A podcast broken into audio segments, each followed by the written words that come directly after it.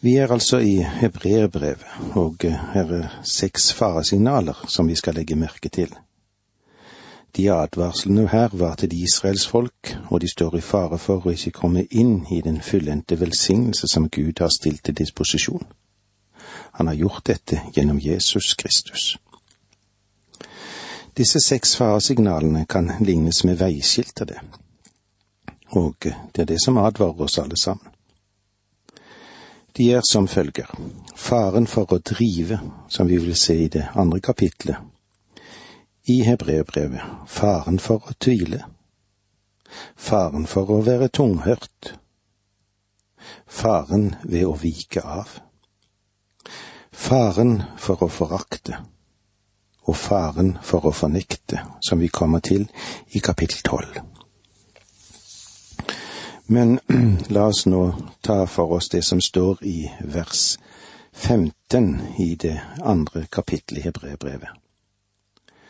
Og befri alle dem som av frykt for døden går i trelldom hele sitt liv. Guds lov krevde og krever død for synd. Den sjel som synder skal dø. Syndens lønn er døden. Satan var årsaken til menneskets synd i den første instans. Og selv om han er en forfører, så kan han påstå rettferdig nok at synderen må dø. Han har makt til og autoritet til å kreve at hver synder skal betale syndens straff. Og på bakgrunn av det var det at alle mennesker kom inn i denne skal vi si, grusomme situasjon at synden tok tak i oss, i frykt for døden og i fangenskap på grunn av synd, for å tjene den og dermed også tjene Satan. Det er slik det er. Gud, han er rettferdig overfor oss, det vet vi. Og vi vet at hele frelsen, den er en eneste fri nådehandling, den av Gud den sprang ut fra den innerste livsgrunn som vi har i Gud før noen ting var skapt. Slik som lyset er, og som varmen er, og livet som stråler ut fra solen, det er jo det som gir kraft og styrke for det jordeliv som vi lever her på jorden, og tenk òg på kraften som strømmer i fossene rundt omkring i landet vårt, hvilken styrke det gir til hver og en. Og vann. Vann, det er jo det som springer frem og gir oss næring og liv. Alt av det som har med frelsen å gjøre, det springer frem fra Gud. Gud er slik, og Gud må være slik. Og alt dette har altså med vår frelse å gjøre. Hva er det? Jo, det er Guds nåde.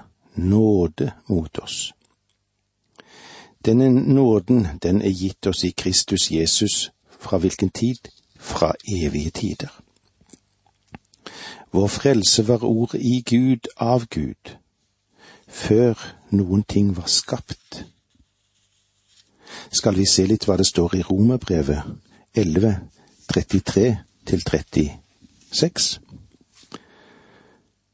Og dyp av rikdom og visdom og innsikt hos Gud, hvor uransakelig hans dommer er, og hvor ufattelig hans veier. Hvem kjente Herrens tanke, eller hvem var hans rådgiver? Hvem ga han noe først, så han skulle få vederlag? Fra ham og ved ham og til ham er alle ting. Ham være ære i evighet. La oss gå litt videre i dette kapitlet. Vi leser i vers 16 i kapittel 2 i Hebrebrevet. Det er jo ikke engler han tar seg av, men han tar seg av Abrahams ett. I Det gamle testamentet tok Kristus skikkelse som engel. Han gjorde det da han åpenbarte seg som Herrens engel. Og eh, disse hebreerne, ja, hva med de? Jo, de forsto det. Da Kristus forlot himmelen og kom til jorden, da gikk han forbi englene og kom til den falne menneskeslekt. Han tok på seg Abrahams form, om vi kan si det på den måten.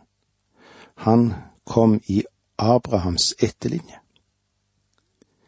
Gud begynte forberedelsene helt i starten med Adam og Eva. På den tid sa Gud at det skulle komme et avkom av kvinnen, som det står i første Mosebok, kapittel tre, vers 15. Jeg vil sette fiendskap mellom deg og kvinnen, mellom ditt avkom og hennes ett. Den skal knuse ditt hode, men du skal hogge den i hælen. Deretter sa Gud at han ville komme i Abrahams etterlinje. Og litt senere lærer vi at han skulle bli født inn i Judastammen, av Davids familie, av eh, folket Israel. Han ble født av en jomfru. Herren satte opp mange nok varselsignaler for alle. Ikke bare for de vise, men for alle. Så de skulle kunne ha funnet veien til Betlehem da Jesus ble født. Vers 17 Derfor måtte han i ett og i alt bli sine brødre lik, så han kunne være en barmhjertig og trofast øverste prest i tjenesten for Gud og sone folkets synder. Den Herre Jesus kom til jorden i menneskeskikkelse. Og i Filippene 2,7 leser vi slik. Han ga avkall på sitt eget, tok på seg en tjenerskikkelse over menneskelik. Det var i en menneskelikhet han kom. Denne likhet har en sagt på denne måten. Nærmest der merkene av syndens forbannelse var, der ble det mest åpenbart. I fattigdom, i fristelse, i en grusom og uventet død. Kristus, han kunne jo ha blitt født i Cæsars palass, men han ble født i en fattig stall. Fattigdom. I en stall bak et lite vertshus. Hvorfor? Slik at han skulle kjenne noen av virkningene synden hadde hatt på menneskeheten. Hvor ser du det? Det ser du i fattigdommen. Du ser det i fristelsen. Du ser det i døden. Det er der synden sterkest manifesterer seg. Ofte er det jo tragisk når uskyldige mennesker lider. Og voldens heslige ansikt ser ut til å profilere seg mer og mer i vårt samfunn, ja, ikke bare i vårt, men i andre samfunn. Brutaliteten bærer syndens grimme uttrykk. Men en dag, ja, en dag, pris Herren for det, så skal dette Trekket som vi nå ser, det skal viskes ut. Brutaliteten skal bort. Ondskapen skal bort. Vi skal være hos Gud. Når Kristus kom til jorden, visste han hva virkelig fattigdom var. Jesus han kjenner òg til flyktningenes situasjon. Du vet, Jesus han var jo en flyktning. Han var en flyktning i Egypt. Langt senere i sitt liv sier han at han har ikke det han kan helle sitt hode til. Eiendomsretten virket ikke til å ha noen betydning for Jesus, for han eide jo ingenting. Og det lille han hadde, det ble det kastet lodd om før han døde. Den Herre Jesus kom til jorden og tok en menneskeskikkelse på seg. Han, ja, han er i stand til å sympatisere med deg og med meg. Det er likegyldig hvem vi er, hvem du er og hvem jeg er. Så kjenner han i alle fall til vår situasjon, og han forstår oss. Ikke bare fordi han er Gud, men fordi han ble menneske. Hva vi går igjennom, det vet han gjennom det han selv har fått lov til å oppleve. Når vi så sterkt understreker Kristi guddom, så er det en fare for at vi undervurderer det at han tok på seg en menneskeskikkelse. Jeg er glad for at ikke jeg er og var født i Betlehem. Jeg er tilfreds fordi jeg ikke ble oppfostret i Nasaret. Selv i dag har barna i disse byene det ikke de beste sjansene i livet. Tenk da på hvordan det var på Jesu tid. Jesus Kristus ble virkelig menneske, og han steg frem fra de fattiges bakgrunn. Han var et rotskudd som skjøt frem av tørr jord. Og derfor kan han være en miskunnelig og trofast øverste prest som forstår våre vanskeligheter. Og med disse ordene må vi si takk for nå. Må Gud være med deg. Dette undervisningsprogrammet består av to deler. Åge Nevland fortsetter nå med andre del av dagens undervisning. Vi er i Hebreerbrevet i det andre kapitlet, og eh, vi ser på hvilken betydning Jesus har for oss. I vers 17 i det andre kapitlet leser vi slik. Derfor måtte han i ett og i alt bli sine brødre lik, så han kunne være en barmhjertig og trofast øverste prest i tjenesten for Gud og sone folkets synder. Så han kunne være en barmhjertig og trofast øverste prest i tjenesten for Gud og sone folkets synder. Ja, Jesus han ga oss muligheten til å kunne komme frem til nådestolen, et sete der en kan finne barmhjertighet. Det vi må prøve å få tak i her, er at Jesus, han var et virkelig menneske. Han er et virkelig menneske. Han er ikke en ånd som svever over jorda uten det virkelige, å ha kjennskap til det virkelige menneskelivet. Han kommer ikke bare til oss når vi har høytid og fest og gudstjeneste. Nei, han er vår bror fordi han kjenner til oss som gjenfødte mennesker, og vi har åndssamfunn med han. Han er vår bror fordi han er ett med oss. Han var jo menneskesønn, han hadde kjøtt og blod. Han steg inn i ætten, han ble like som en av oss. Han ble lik oss i alle ting. Han måtte stride seg gjennom verden slik som vi må gjøre det. Jesus han ble sulten, Jesus ble tørst. Jesus la seg trett i båten, og vet du, han sovnet der.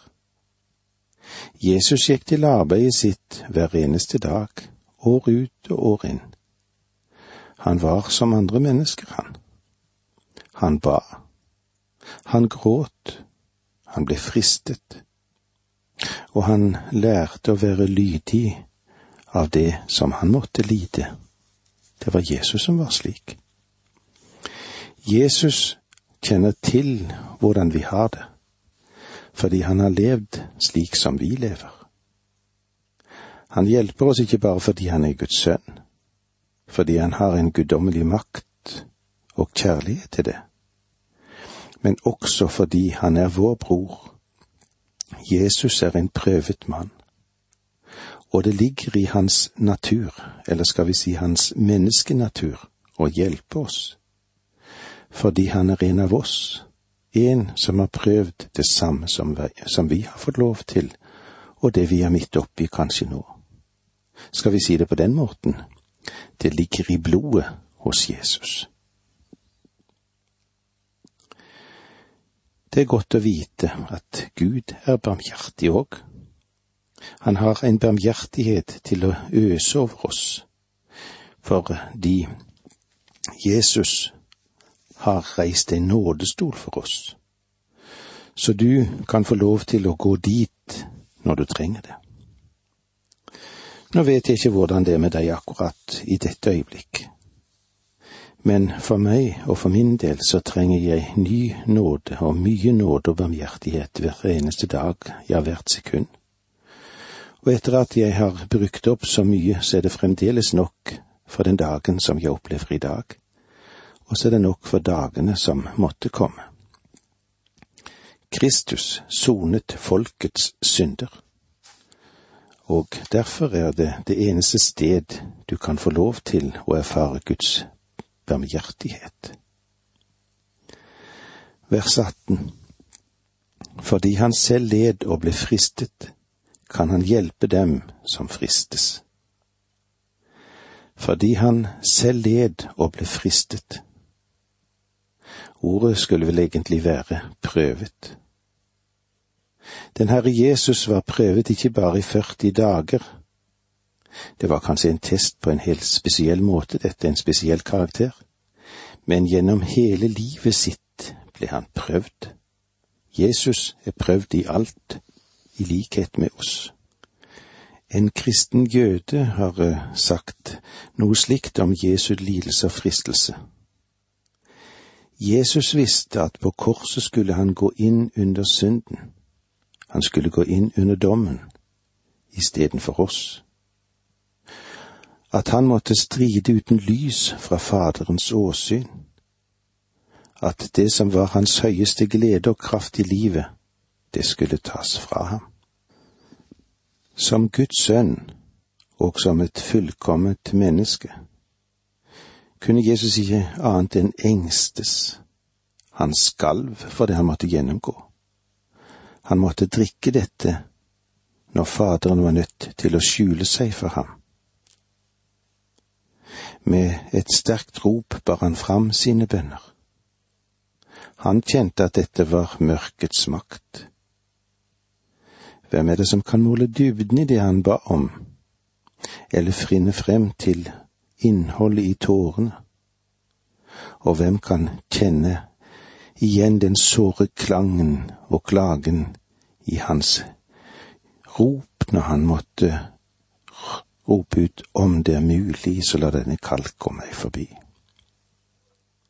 I denne kampen lærte han helt å kjenne hva det er å være et virkelig menneske av kjøtt og blod, hvor pinefullt det er å oppgi sin egen vilje.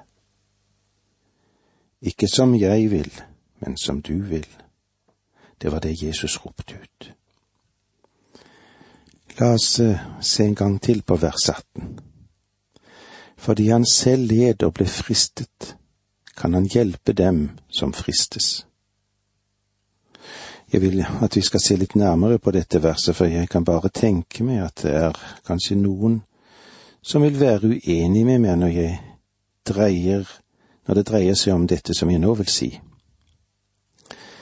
Ofte stilles dette spørsmålet angående Jesus sine prøvelser. Kunne han ha bukket under for fristelsene? Kunne Jesus ha falt? Ja, tenkte jeg om. Kunne han ha bukket under for fristelsene? Kunne Jesus ha falt? Mitt svar er nei. Når vi taler om å bli fristet eller å gjøre noe galt, så mener vi egentlig at vi har mulighetene til å gjøre noe galt, og vi ønsker å gjøre det. Her er det slik at mulighetene var prøven. Men begjær etter å gjøre galt var synd. Og et syndig begjær, ja, det er i seg selv en synd. Den Herre Jesus, han hadde aldri dette syndige begjær. Han var ikke en synder, men han hadde sannelig mulighetene. Satan visste hvor sulten og svak Jesus var etter at han hadde gått uten mat i 40 dager. Og da begynte han i sin fristelse med å si, Vil du ikke omgjøre disse steinene til brød? Har du noen gang vært i nærheten av der Jesus fikk oppleve fristelsene, der det fant sted, så er du klar over at det var mer enn nok av steiner der. Det var fristelsen. Han kunne ha gjort steinene om til brød, han, men Jesus gjorde ikke det. Hans prøvelse var større enn min. Og jeg vil gjerne si til dere at hvis jeg kunne ha gjort steinene til brød, så ville jeg gått inn i bakerindustrien. Han kunne ha gjort det, men han gjorde det ikke. Han hadde muligheten til å gjøre det, og det var det som var prøven. Jesus ga ikke etter for den. Jesus hadde egentlig ikke noe begjær etter brød, etter å gi etter for prøvelsen. Dette begjæret var fremmed for ham på grunn av at han var Gud. Og la meg få lov til å stille spørsmålet en gang til. Kunne Jesus ha syndet? Og jeg tror at svaret nei, det kunne han ikke. Men eh, hva var da hensikten med prøven? La oss forsøke å gi et svar gjennom en illustrasjon. Over en stor elv hadde de bygget en jernbanebro etter den forrige broen, en trebro som var blitt skylt bort av en veldig flom. Broen sto ferdig, og fra hver side av broen kjørte de nå ut på et tungt lokomotiv. En av dem som sto der, spurte overingeniøren. Hva er det dere gjør? Han sa, vi prøver broen. Så den første spurte, tror du at den vil falle ned? Halvt foraktelig svarte overingeniøren. Selvfølgelig vil den ikke falle ned. Men eh, hvorfor gjør du da dette? Og her kommer ingeniørens svar. Vi kjører disse to lokomotivene ut der for å bevise at den ikke vil falle ned. Jesus, skjønner du, han ble prøvet for å vise at han var den han gjorde krav på å være. Og dette er meget viktig. Faktisk, om Jesus fra Nasaret hadde syndet, så ville ikke det ha bevist at Gud i kjød kunne synde men det ville i stedet ha bevist at Jesus fra Nasaret ikke var Gud kommet i menneskeskikkelse. Prøven beviste at han var Gud i menneskeskikkelse, fordi han er den han er og kan ikke synde. Og hebreerbrevets forfatter legger til at han ble prøvet i alt på alle punkter, slik vi blir det uten synd. Takk for nå, må Gud være med deg.